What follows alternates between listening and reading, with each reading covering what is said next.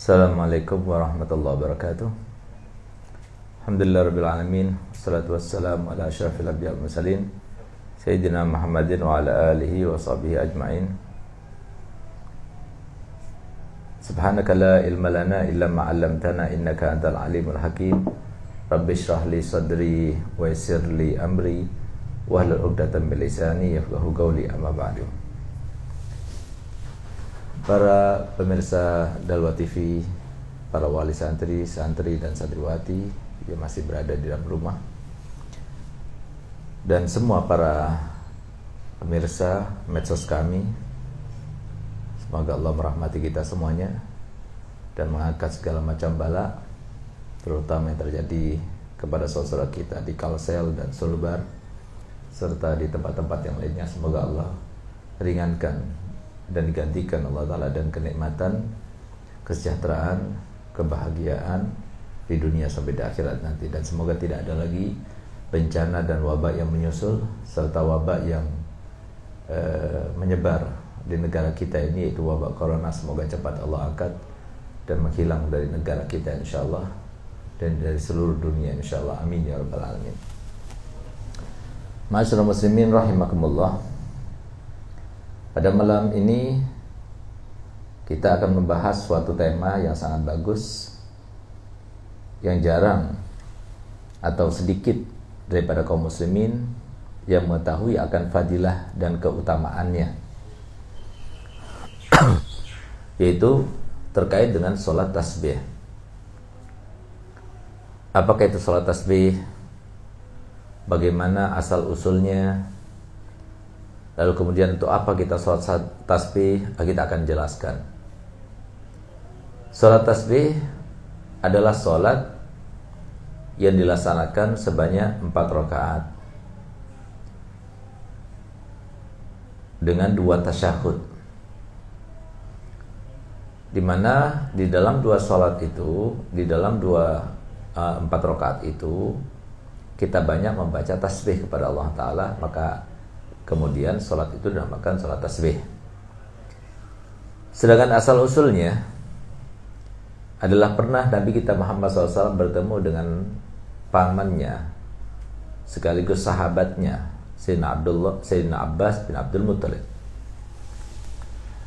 Di mana ketika beliau itu bertemu dengannya, maka beliau berkata kepadanya, "Ya amma, ala otik, ala amnahuk, ala ahbuk.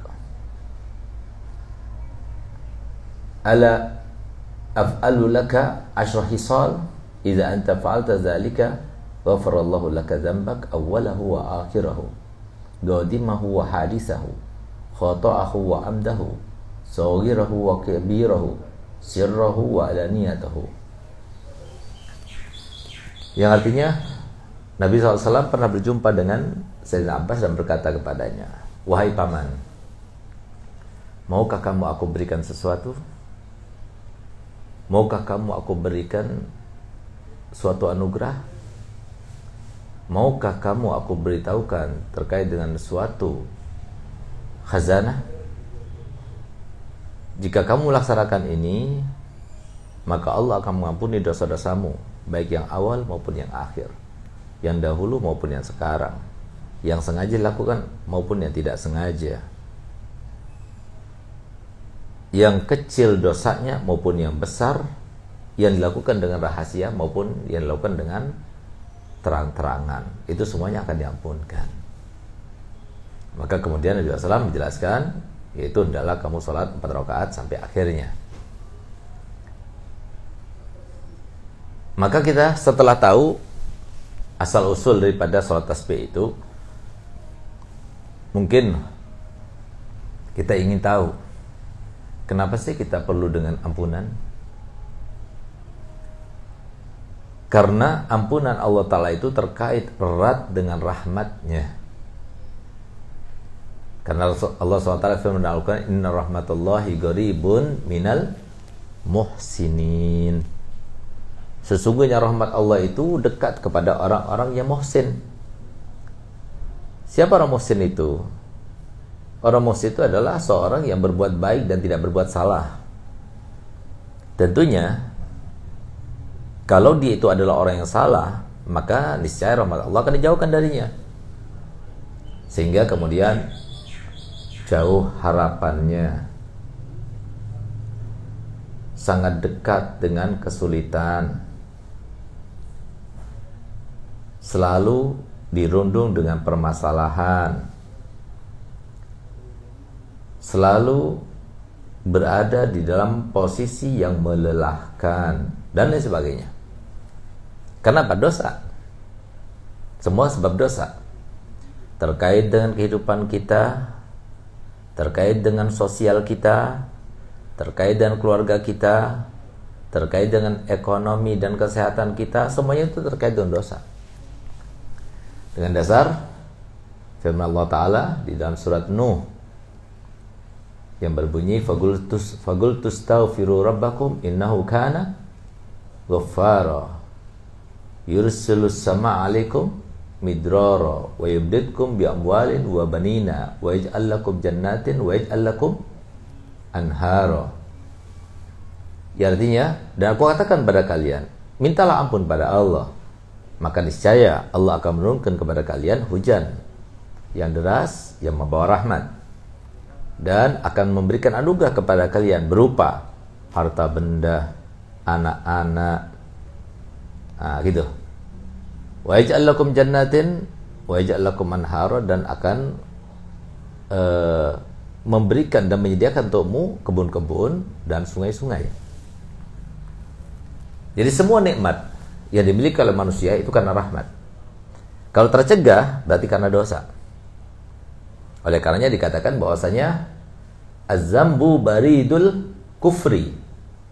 Dosa itu adalah posnya kekafiran. Jadi artinya kalau dia tidak cepat-cepat bertobat maka ditakutkan dia akhirnya terjumus ke dalam kekafiran. Ada seseorang yang datang kepada Imam Hasan Basri. Dia mengadukan terkait dengan kesehatannya, maka eh, terkait dengan eh, sempitnya rizki kepadanya. Maka kemudian beliau katakan kepadanya, perbanyaklah istighfar. Datang lagi seseorang, pertaniannya tandus, sudah hujan lama tidak turun, sehingga menyebabkan kebun-kebunnya itu kering. Maka kemudian orang kedua pun diberitahukan oleh Masa Basri, perbanyaklah istighfar. Lalu kemudian datang orang ketiga, yang mengadukan sudah lama menikah tapi tidak punya keturunan. Maka lagi-lagi Sayyidina Imam Hasan Al-Basri beliau katakan perbanyaklah istighfar. Maka kedua kemudian salah satu murid daripada Al-Habib uh, Al-Imam Hasan Al-Basri beliau berkata, "Galia Imam, orang yang pertama sampai yang ketiga datang bertanya dengan pertanyaan yang berbeda." mengadu kepadamu dengan pengaduan yang berbeda tapi jawabanmu satu yaitu perbanyak istighfar. Maka beliau katakan kamu sudah lupa? Kamu tidak mendengar bagaimana Allah firman dalam surat Nuh? Maka ayat tadi dibaca lagi fagul tastaghfiru rabbakum innahu kana ghafara yursilis sama alaikum midrara. Allah turunkan hujan karenanya kemudian Allah wa yumditkum bi amwalin Allah akan menganugerahkan kepada kalian harta-harta yang banyak yang melimpah dan anak-anak keturunan. Nah, jadi semuanya itu tergantung kepada apa? Kepada istighfar. Nah, oleh karenanya, ambil satu contoh. Ini terkait dengan eh, bagaimana pentingnya ya, di mana suatu waktu Nabi Allah Musa alaihissalam bermunajat kepada Allah Subhanahu wa taala. Ketika bermunajat kepada Allah maka kemudian Allah menjawab munajahnya dengan beliau berkata bahwasanya doamu akan dikabulkan. Doa kalian akan dikabulkan. Maka gembira bahagia. Sehingga kemudian beliau sampaikan pada umatnya bahwasanya Allah taala akan mengabulkan doa mereka. Tapi ternyata setelah Nabi Musa menyampaikan bahwasanya Allah menjanjikan untuk mengkabulkan doa mereka, maka kemudian ternyata Allah mensyaratkan suatu syarat yaitu tidak maju ke depan dan memohon kepada Allah di suatu tempat bersama Nabi Allah Musa dari umatnya kecuali yang tidak pernah berdosa. Maka kemudian diumumkan oleh Nabi Musa, Wahai kaumku, sesungguhnya Allah Ta'ala telah menjanjikan untuk supaya dikabulkan hajat kalian, tapi dengan syarat, mengikuti aku seseorang yang tidak pernah melakukan dosa dalam hidupnya untuk berdoa bersama aku. Maka kemudian tidak ada yang bangun, tidak ada yang mengatakannya, tidak ada yang memberikan petunjuk kepadanya bahwasanya aku yang siap untuk menyertaimu berdoa pada Allah Ta'ala karena merasa dirinya semua berdosa. Kecuali satu orang diangkat tangannya. Gal aku ya Musa. Tapi aku masih mau bertanya dulu kepadamu sebelum aku menyanggupinya. Gal silakan. Seingatku aku tidak berdosa seumur hidupku kecuali satu yaitu aku pernah melihat seorang wanita dengan syahwat. Dan karenanya aku menyesal. Lalu kemudian aku mengambil pisau dan aku mencungkil kedua mataku. Kalau seumpama sekiranya apa yang aku lakukan itu daripada dosa melihat seorang wanita dengan syahwat itu belum diampuni Allah Ta'ala setelah aku cungkil kedua mataku maka berarti aku tidak berhak maju ke depan bersamamu. Baru kemudian kata Nabi Musa, iya, tobatmu diterima dengan apa yang kau lakukan, ikutlah bersamaku. Begitu keduanya memohon pada Allah Ta'ala, maka langsung Allah turunkan air hujan dan Allah kabulkan hajat mereka. Nah, di sini kita lihat ya, bagaimana dosa cuma memandang melihat wajah seorang wanita saja itu menjadi sebab akhirnya mereka itu sengsara. Bagaimana kalau seumpama seperti sekarang ini? Berapa banyak prostitusi tersebar di mana-mana. Perjudian tersebar di mana-mana. Minuman keras tersebar di mana-mana. Narkoba dijual bebas di mana-mana. Korupsi dengan bebasnya juga di mana-mana.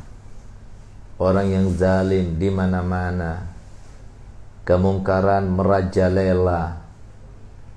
Yang namanya amar ma'ruf nahi mungkar dihalang-halangi. Bahkan dicari-cari kesalahannya untuk supaya tidak lagi amar ma'ruf nahi mungkar. Nah ini semuanya itu adalah sebuah perbuatan dosa. Yang akan menyebabkan kita akhirnya tertimpa musibah demi musibah kalau sudah terjadi seperti sekarang ini, apakah kita tidak sakit hatinya? Melihat saudara kita di kalsel, berapa di antara mereka yang kehilangan gubuknya? Berapa di antara mereka yang kehilangan rumahnya? Berapa di antara mereka yang kehilangan ternaknya? Berapa di antara mereka yang, menghilang, yang kehilangan pertaniannya, penghasilannya? Itu mereka saudara kita semua. Begitu pula kita lihat di Sulbar. Berapa saudara kita yang kelihatan yang kehilangan keluarganya? Berapa keluarga kita yang kehilangan rumahnya? Berapa keluarga kita yang kehilangan kekayaannya, harta bendanya, sehingga mau mulai semuanya itu dari mulai nol lagi. Semua itu adalah saudara kita. Dan sebabnya mungkin kita, kita, mungkin saya sendiri sebabnya sehingga mereka saudara kita di sana diazab oleh Allah Taala. Oleh karena itu, maka ayo perbanyak istighfar.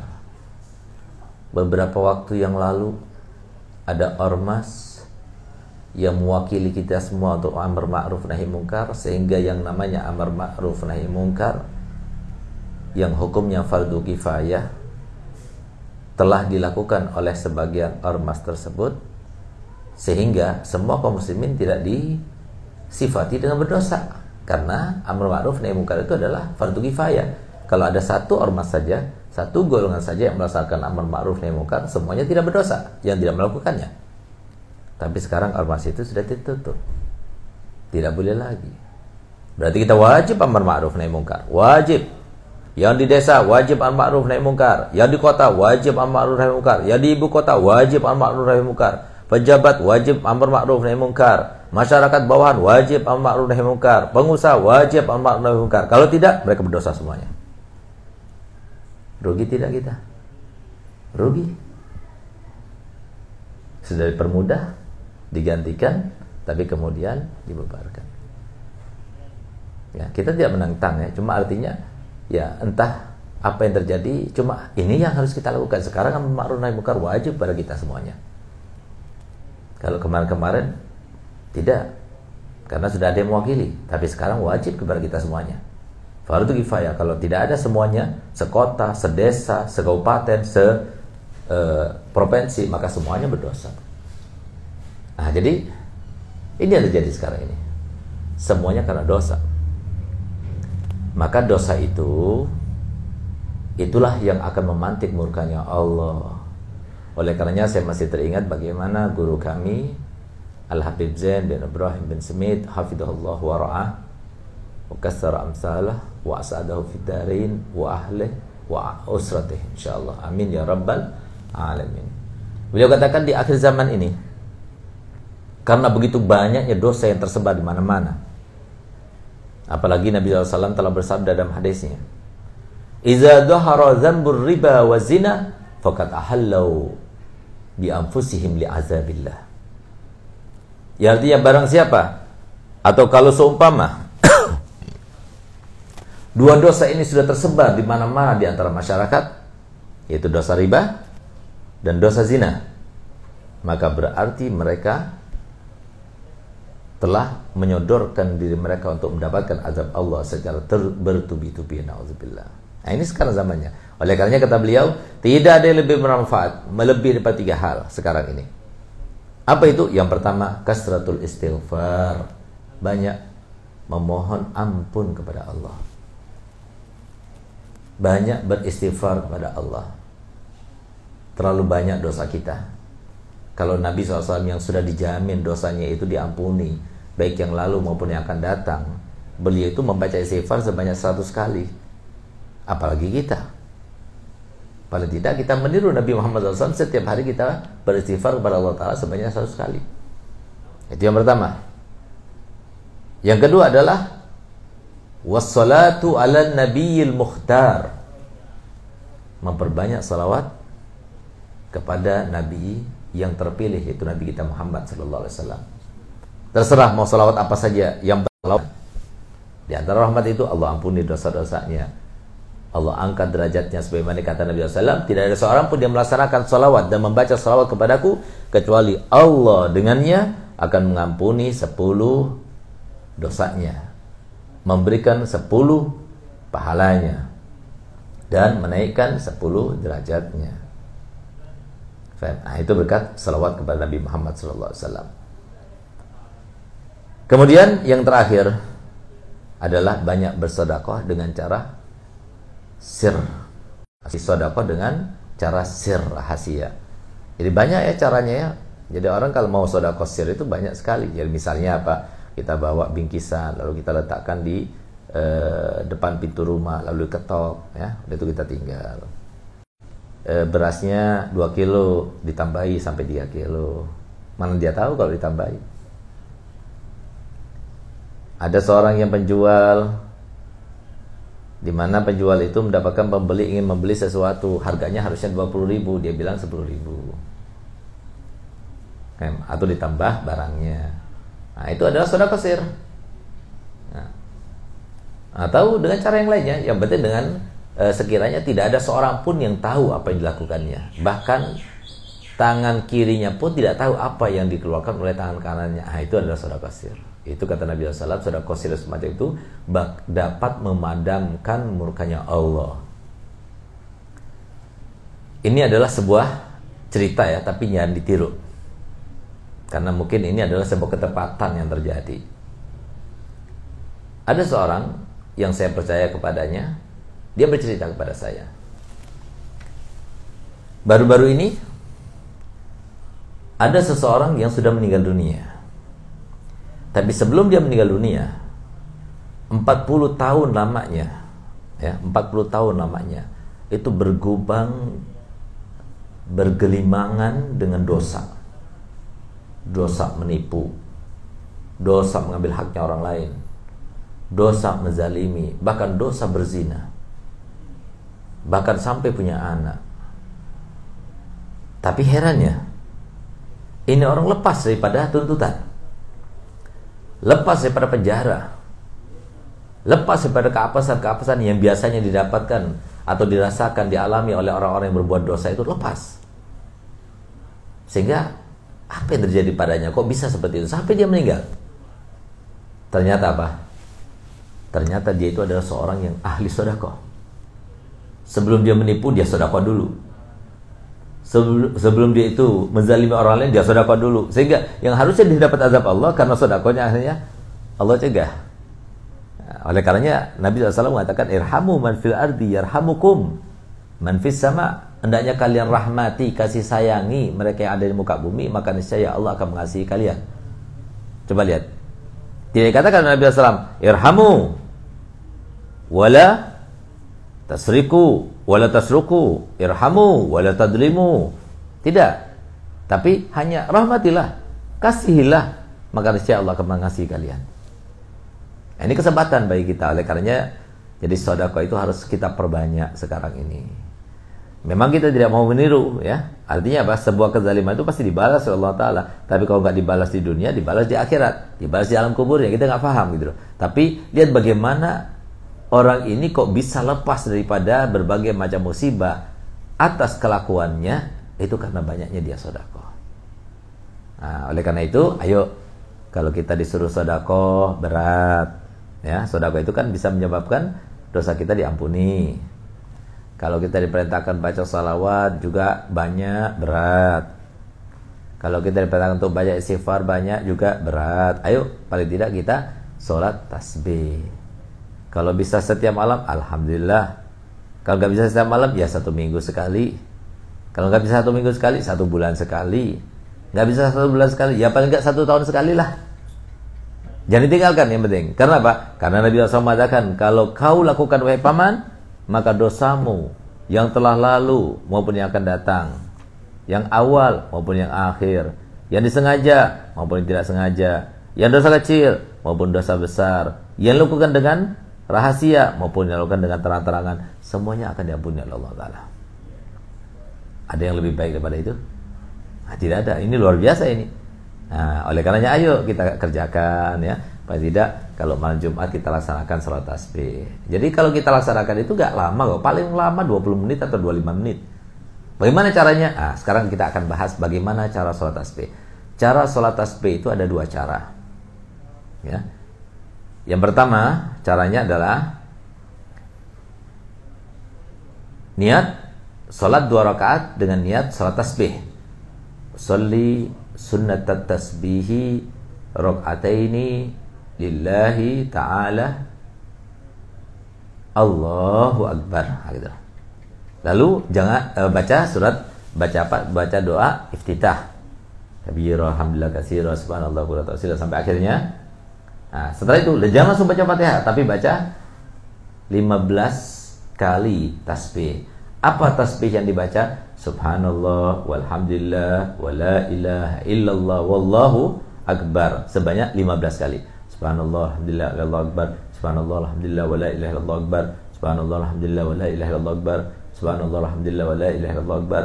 Subhanallah, alhamdulillah, wa la ilaha illallah akbar. Subhanallah, alhamdulillah, wa la ilaha illallah akbar sampai 15 kali baru baca Fatihah.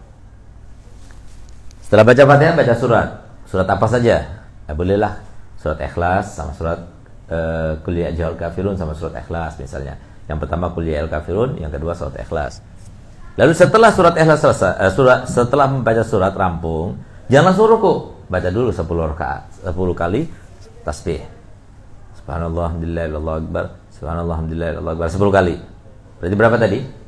25. Ruku 10 kali.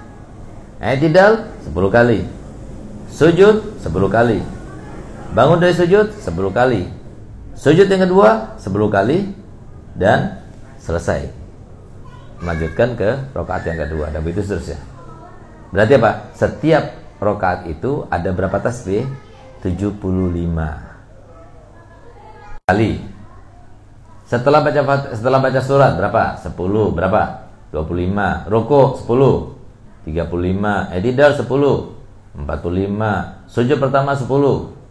55. Bangun dari sujud. Duduk di antara dua sujud 10 berapa? 65. Sujud yang kedua 75. 75 kali 4 berapa? 300. Jadi kita melaksanakan tasbih, membaca tasbih sebanyak 300. Makanya sebagian ulama mengatakan bahwasanya paling banyaknya banyak kalau dikatakan aksiru wa zakirinallaha katsiran wa zakirat lahu ajran azima. Jadi orang yang banyak berzikir, banyak berzikir itu paling sedikitnya berapa? 300 katanya. Paling sedikitnya paling sedikitnya berzikir yang banyak itu 300. Jadi 300 salawat, 300 istighfar, ah seperti ini 300 tasbih. Itu cara yang pertama. Cara yang kedua, cara yang kedua, 15-nya itu e, dibaca bukan pada awal, tapi setelahnya. Ya, setelahnya. Jadi baca Fatihah sebanyak berapa? 15 kali yang pertama. Lalu kemudian 10 10 10 Ketika bangun dari sujud yang pertama, eh, sujud yang kedua, jangan langsung berdiri, tapi baca 10 kali. Dan sebelum tahiyat, baca 10 kali. Sama saja berarti jumlahnya 75. Tapi cara yang pertama tadi lebih afdol. Karena tidak sampai menggunakan rukun yang kosir. Di antara rukun kosir di sini adalah eh, bukan bukan berzikir bukan pada tempatnya, bukan berzikir bukan pada tempatnya itu ketika bangun dari sujud yang kedua, ya. Dan juga ketika sebelum tasyahud, itu kan bukan waktunya zikir. Tapi waktunya tasyahud atau waktunya langsung berdiri gitu Nah, tapi yang pertama tidak. Nah, jadi saya ulangi lagi, cara sholat tasbih yang afdol adalah begitu takbir, niatnya adalah usolli sunnat tasbihi rok'ataini lillahi ta'ala. Nah, boleh imam makmum boleh ya, jamaah boleh. Ya. Kemudian lillahi taala Allahu akbar. Lalu baca doa iftitah. Setelah selesai baca doa iftitah, maka baca tasbih sebanyak 15 kali. Subhanallah, alhamdulillah, wa la ilaha illallah, Allahu akbar. Subhanallah, alhamdulillah, wa la ilaha illallah, Allahu akbar. Subhanallah, alhamdulillah, wa la ilaha illallah, Allahu akbar. Ah, gitu. Kemudian setelah baca Fatihah, setelah selesai 15 kali baca Fatihah. Setelah baca Fatihah, baca surat. Setelah baca surat, baca lagi 10 sebelum rukuk. Subhanallah, alhamdulillah, wa la ilaha illallah, Allahu akbar. Nah, sampai 10 kali. Lalu kemudian ketika rukuk, setelah 10 kali baru takbir rukuk. Ketika rukuk 10 kali, ketika tidak 10 kali, ketika sujud yang pertama 10 kali, ketika duduk di antara dua sujud 10 kali, ketika sujud yang kedua 10 kali. Selesai sudah rakaat pertama. Bangun rakaat kedua, bikin lagi seperti tadi. Sebelum kita baca Fatihah 15 kali kita baca. Habis kita baca surat 10 kali kita baca. Roko 10 kali lagi, tidak 10 kali lagi. Nah, jadi setiap rokaat berarti berapa? 75. 75 kali 2 150. Salam, sholat lagi dua rakaat dengan niat yang sama tadi, maka berarti apa? 150 tambah 2 e, kali 2 sama dengan 300. Nah, lalu berdoa minta pada Allah Taala. Nah, bebas doanya, nggak ada tuntutan tersendiri daripada Nabi bebas mau doa uh, apa saja boleh. Robbana atina fid dunya hasanah saja. Yang pendek boleh. Baca doanya Nabi Adam boleh. Baca doanya Nabi Sayyidina Hasan uh, bin Ali bin Thalib boleh. Allah maghfir qalbi rajak. Baca doa-doa yang diajarkan oleh para ulama boleh gitu ya. Boleh apa saja gitu. nah itu hendaknya dilaksanakan kalau bisa setiap malam. Kalau nggak bisa paling tidak satu minggu sekali nggak bisa satu bulan sekali nggak bisa satu tahun sekali. Nah, semoga eh, penjelasan terkait dengan sholat tasbih ini jelas dan kita bisa melaksanakannya. Bukan cuma mencatat, bukan cuma mendengar, tapi kita juga bisa melaksanakannya. Dan semoga dengan kita itu melaksanakan sholat tasbih secepatnya segala macam keapesan yang menghalangi kita untuk meraih apa pun yang kita kehendaki yang kita inginkan, yang kita cita-citakan cepat selesai dan cepat hilang daripada uh, di depan kita sehingga tidak tidak menghambat lagi kita meraih ridhonya Allah SWT dan anugerah-anugerahnya. Amin ya rabbal alamin. Sudah ada pertanyaan yang masuk? Beb, ya silakan.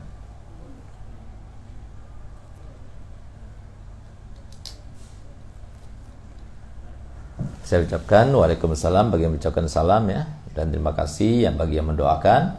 Uh, semoga dikabulkan juga hajatnya. Dan uh, bagi uh, mereka yang mau bertanya silahkan bertanya. Tulis di komen di Instagram maupun di YouTube ya ataupun di WA yang tertera di pengumuman ya. Nah, silahkan. Assalamualaikum Sini. ya. Waalaikumsalam warahmatullahi wabarakatuh waktu afdol buat sholat tasbih kapan Habib? Syukur. Ya, jadi nggak ada tuntunan tersendiri ya waktu paling afdal untuk melaksanakannya. Tapi kalau seumpama kita itu melihat keutamaan waktu yang ada per minggunya, per bulannya dan juga per tahunnya, maka mungkin yang lebih afdal itu adalah malam hari ya. Kalau siang malam maka lebih baik malam hari. Malam kapan yang terbaik? Ya, waktu tahajud ya. Itu yang lebih baik. Kemudian malam apa yang terbaik? Malam Jumat ya. Kalau kita bicara masalah yang terbaik gitu ya. Kemudian kalau seumpama eh, terkait dengan per tahunnya ya bulan Ramadan itu paling afdolnya ya. Kalau bisa setiap biasanya kita kalau bulan Ramadan itu setiap malam-malam ganjil dan juga malam Jumat itu kita salat tasbih. Nah, kemudian eh, eh, yang kalau seumpama kita melaksanakan di siang hari nggak apa-apa, tapi jangan sampai di lima waktu yang dilarang. Habis sholat subuh tidak boleh, habis sholat asar nggak boleh. Ketika terbit matahari sampai meninggi 4 derajat itu nggak boleh ya. Sampai masuk waktu duha baru boleh lagi melaksanakannya gitu ya. Nah, begitu pula ketika eh, habis sholat asar nggak boleh, ketika menguning matahari sampai terbenam matahari nggak boleh. Nah itu. Nah jadi eh, waktu tertentu tidak ada tuntunannya daripada Nabi SAW, tapi mungkin kalau semua per minggu kita mau melaksanakan ya lebih baik malam Jumat gitu ya. Nah kemudian kalau seumpama setahun sekali kita laksanakan ya, ya lebih baik di bulan Ramadan. Kan lipat Ramadan itu kan semuanya dilipat gandakan gitu. Nah, seperti itu. Silakan. Assalamualaikum. Waalaikumsalam warahmatullahi wabarakatuh. Apakah ada perbedaan kefiah antara sholat di siang hari dan malam hari? Dan kalau sholat tasbih langsung 4 rakaat sekaligus bagaimana? Ya, eh, tadi kan disebutkan bahwasanya mau melaksanakan empat rakaat itu dengan satu salam boleh, dengan empat eh, dengan dua salam juga boleh. Cuma Nabi SAW itu mengatakan bahwasanya sholatul lail rokaatain rokaatain. Sholat malam itu hendaknya dilaksanakan dua rakaat dua rakaat gitu. Nah, tapi kalau sholat kita laksanakan empat rakaat sekaligus ya nggak apa-apa, nggak jadi masalah gitu ya. Nah, cuma afdolnya itu dua rakaat dua rakaat, nah, gitu tasyahud, salam, lalu sholat lagi dua rakaat dengan niat yang sama, dengan cara yang sama tadi, nah, kemudian baru doa, salam yang kedua, gitu, baru berdoa, gitu ya. Jadi nggak ada yang lebih afdol, uh, apa nggak ada yang lebih tahu. Cuma kalau malam hari itu memang ada warid daripada Nabi SAW kalau bisa sholat itu dua rakaat dua rakaat jam empat rakaat. Nah, siang hari nggak apa-apa kita gabung. Seperti kita gabung antara gobliyah yang mau akadah sama gobliyah yang mau akadah langsung empat rakaat nggak apa-apa gitu satu salam, satu tasyahud, uh, dua tasyahud tapi satu salam itu boleh. Terus? Assalamualaikum Bib. Izin wabarakatuh ya. Jika tasbihnya lebih daripada 300 apakah tidak apa? Tidak apa-apa. Ya, kalau dari segi tidak apa-apanya tidak apa-apa ya, karena itu zikir ya, tidak membatalkan sholat tidak gitu ya. Jadi kalau dalam sholat itu ya, Al-Quran kita baca tidak batal, di mana pun itu, kemudian zikir kita baca tidak batal di mana pun itu ya cuma mungkin tidak tidak afdol gitu lah kalau bukan pada tempatnya lalu kemudian doa di dalam sholat tidak batal di mana pun itu gitu lah. asalkan jangan sholat jangan apa jangan doa yang mengandung unsur dosa dan tidak ada siroh takliknya gitu Fem, kalau ada siroh takliknya itu bisa bermain-main dengan Allah Taala gitu. Artinya memainkan mempermainkan sholatnya itu bisa batal sholatnya. Nah, tapi tiga zikir itu nggak apa-apa. Di dalam sholat kapan pun itu tidak membatalkan sholat gitu. Nah, jadi tasbihnya ya diajarkan Nabi Asam 300, tapi dia baca sampai lebih. Gimana hukumnya? Ya nggak apa-apa.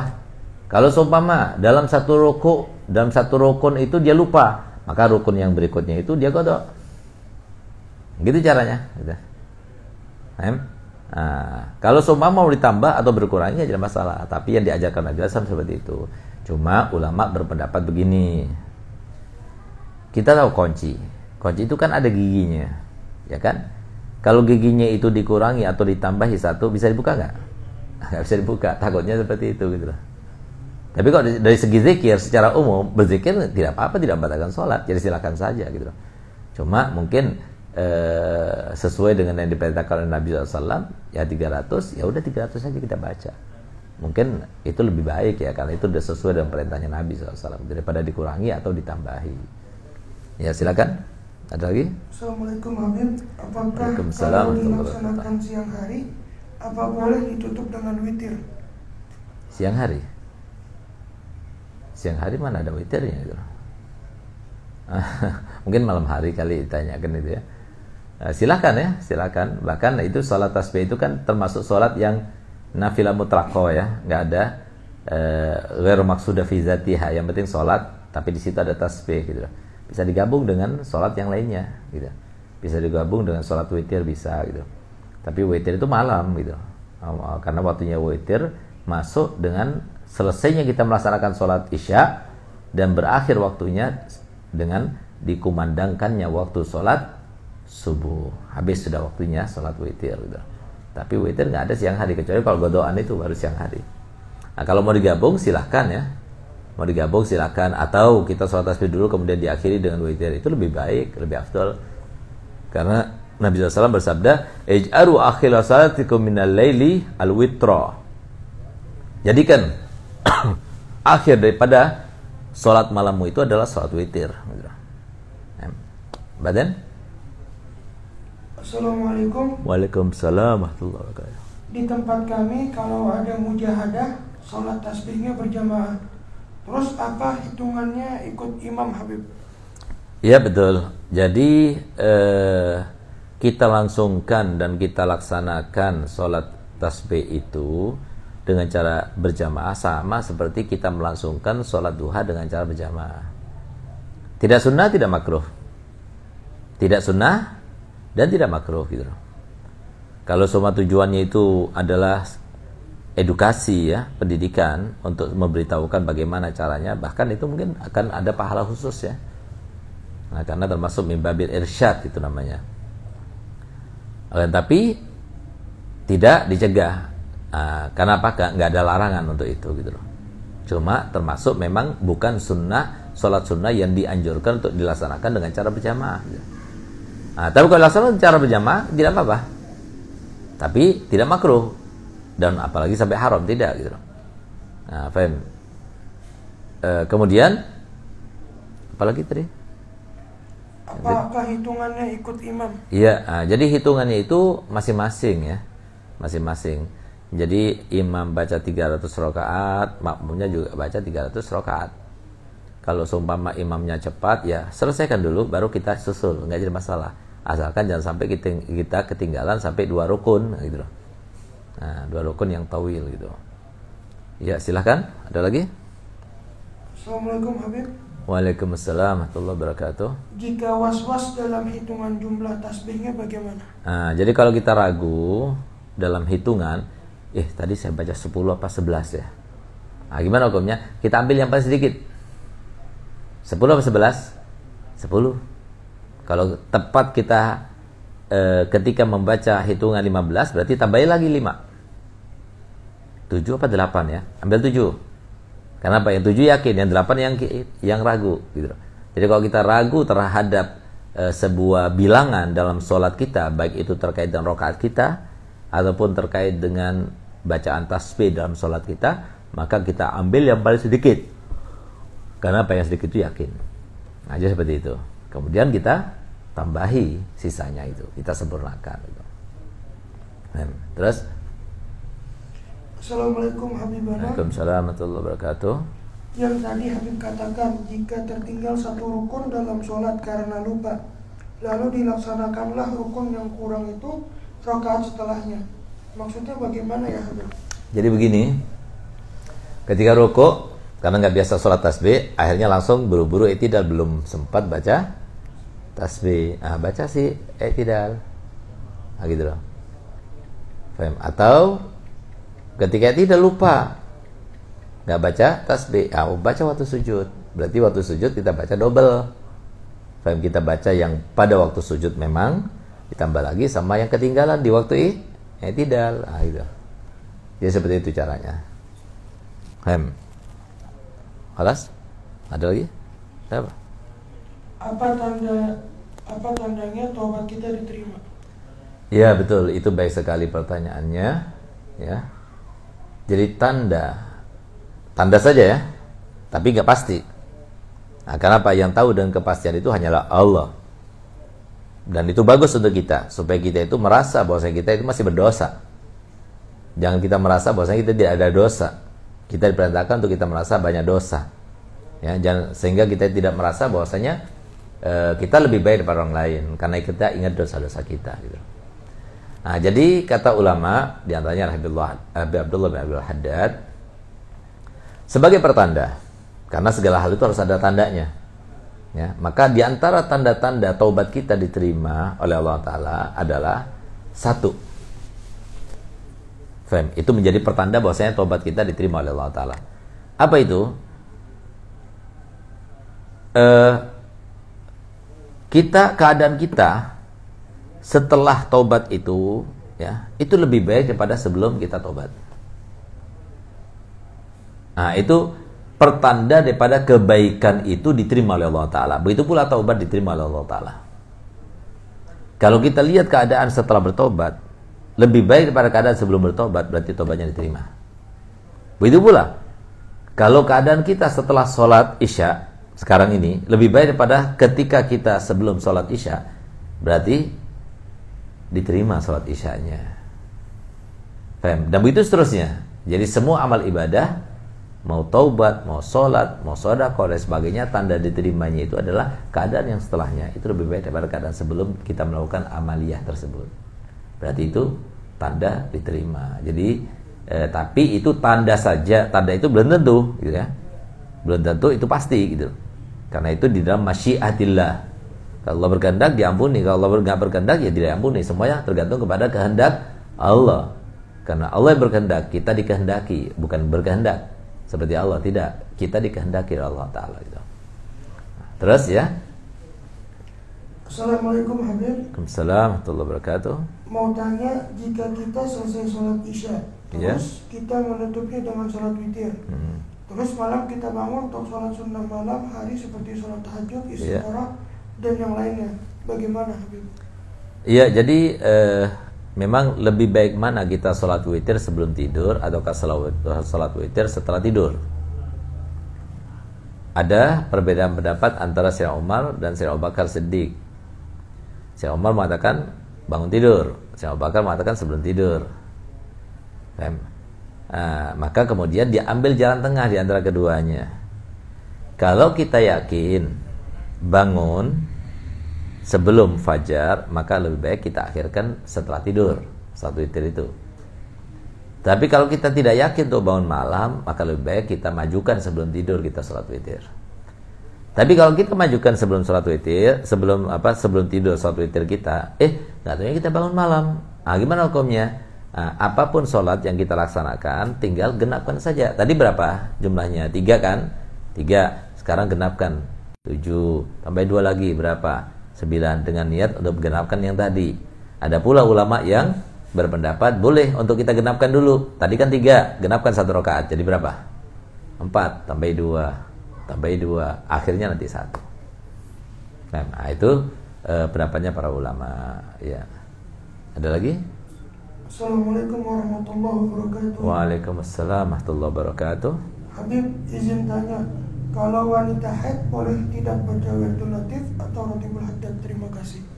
Ya, jadi eh, di antara pengecualian membaca Al-Quran bagi mereka yang sedang berhalangan atau sedang haid atau nifas ya itu kalau dia itu wirid ya, kebiasaan wirid itu seperti kebiasaan itu setiap hari dia baca wirid eh, rotib haddad. Rotib haddad itu kan ada fatihahnya.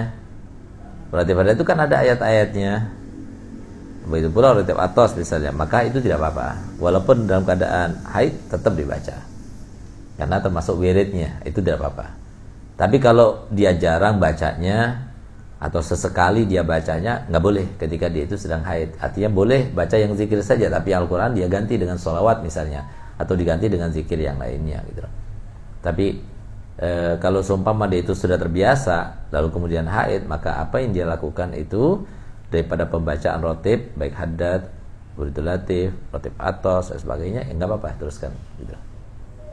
Nah terus ya. Assalamualaikum Habib. Waalaikumsalam warahmatullahi wabarakatuh. Bagaimana caranya menjaga mata ini dari syahwat Atau melihat lawan jenis yang bukan mahramnya? Ya, jadi caranya itu adalah Semua hawa nafsu Yang terkait dengan komponen yang tujuh itu ya Fem, Tidak ada cara lain Guna membendungnya dan, dan eh, apa mencegahnya untuk bermaksiat kecuali mengendalikannya. Tidak ada jalan lain kecuali itu. Kita nggak mau sampai terlanjur melihat seorang wanita dengan syahwat. Gimana caranya? Jangan keluar, jangan lihat. Caranya begitu. Kalau terpaksa kita keluar, jangan lihat ke depan, lihat ke bawah. Ingatkan bagaimana ceritanya seseorang itu dilarang untuk pergi keluar pondok oleh kiainya. Santrinya itu dilarang keluar pondok oleh kiainya. Hanya dia bilang, "Kenapa kiai? Kok kiai itu boleh? Kakak-kakak kelas kok boleh? Ustaz-ustaznya kok boleh? Kok saya itu masih belum boleh?"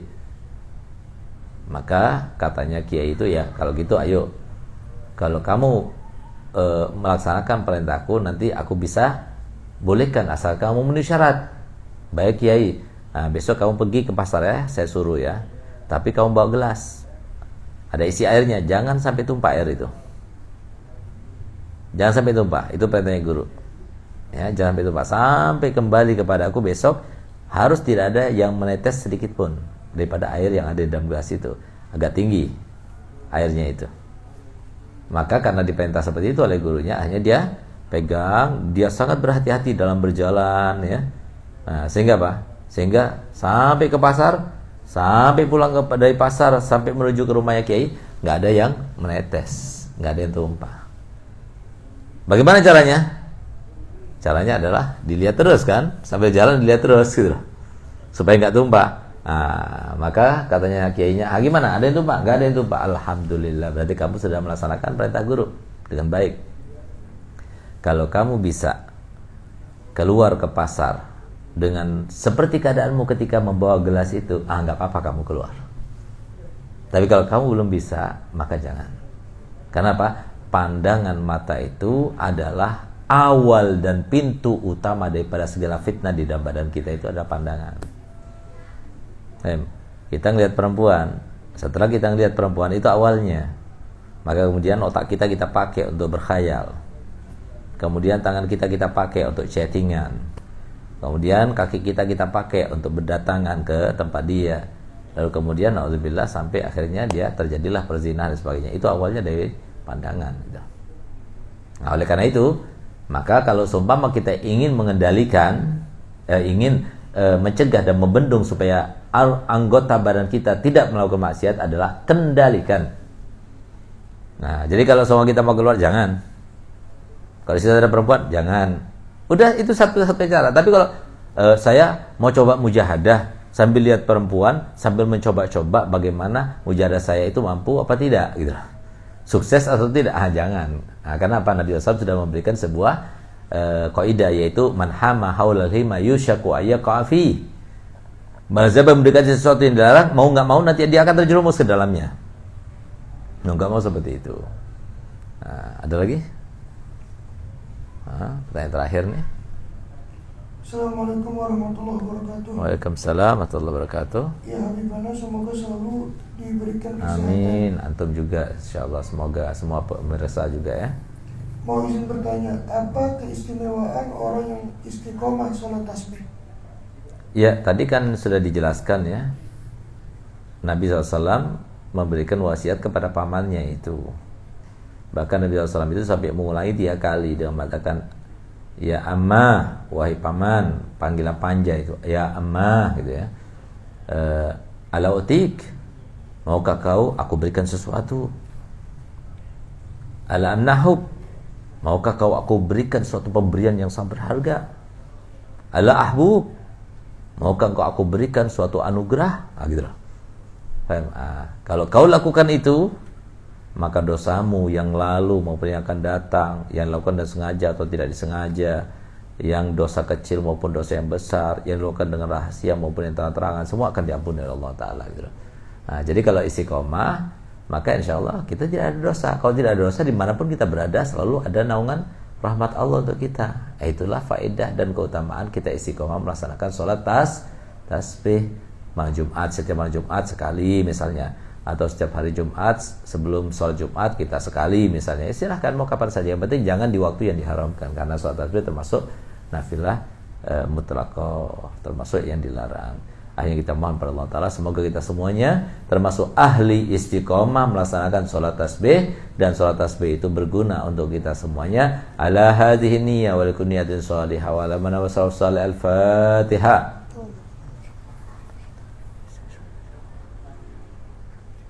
اللهم صل وسلم على سيدنا محمد صاحب البشرى. صلاة تبشرنا بها وأهلنا وأولادنا وجميع مشائخنا ومؤلمينا وطلبتنا وطالباتنا من يومنا هذا إلى يوم الله الله اللهم صل وسلم على سيدنا محمد صاحب البشرى. يبشرنا بها. وأهلنا وأولادنا وجميع مشايخنا ومعلمينا وطلبتنا وطالباتنا من يومنا هذا إلى يوم Allah Allah Allahumma salli wa sallim ala sayyidina Muhammadin sahibil bushra.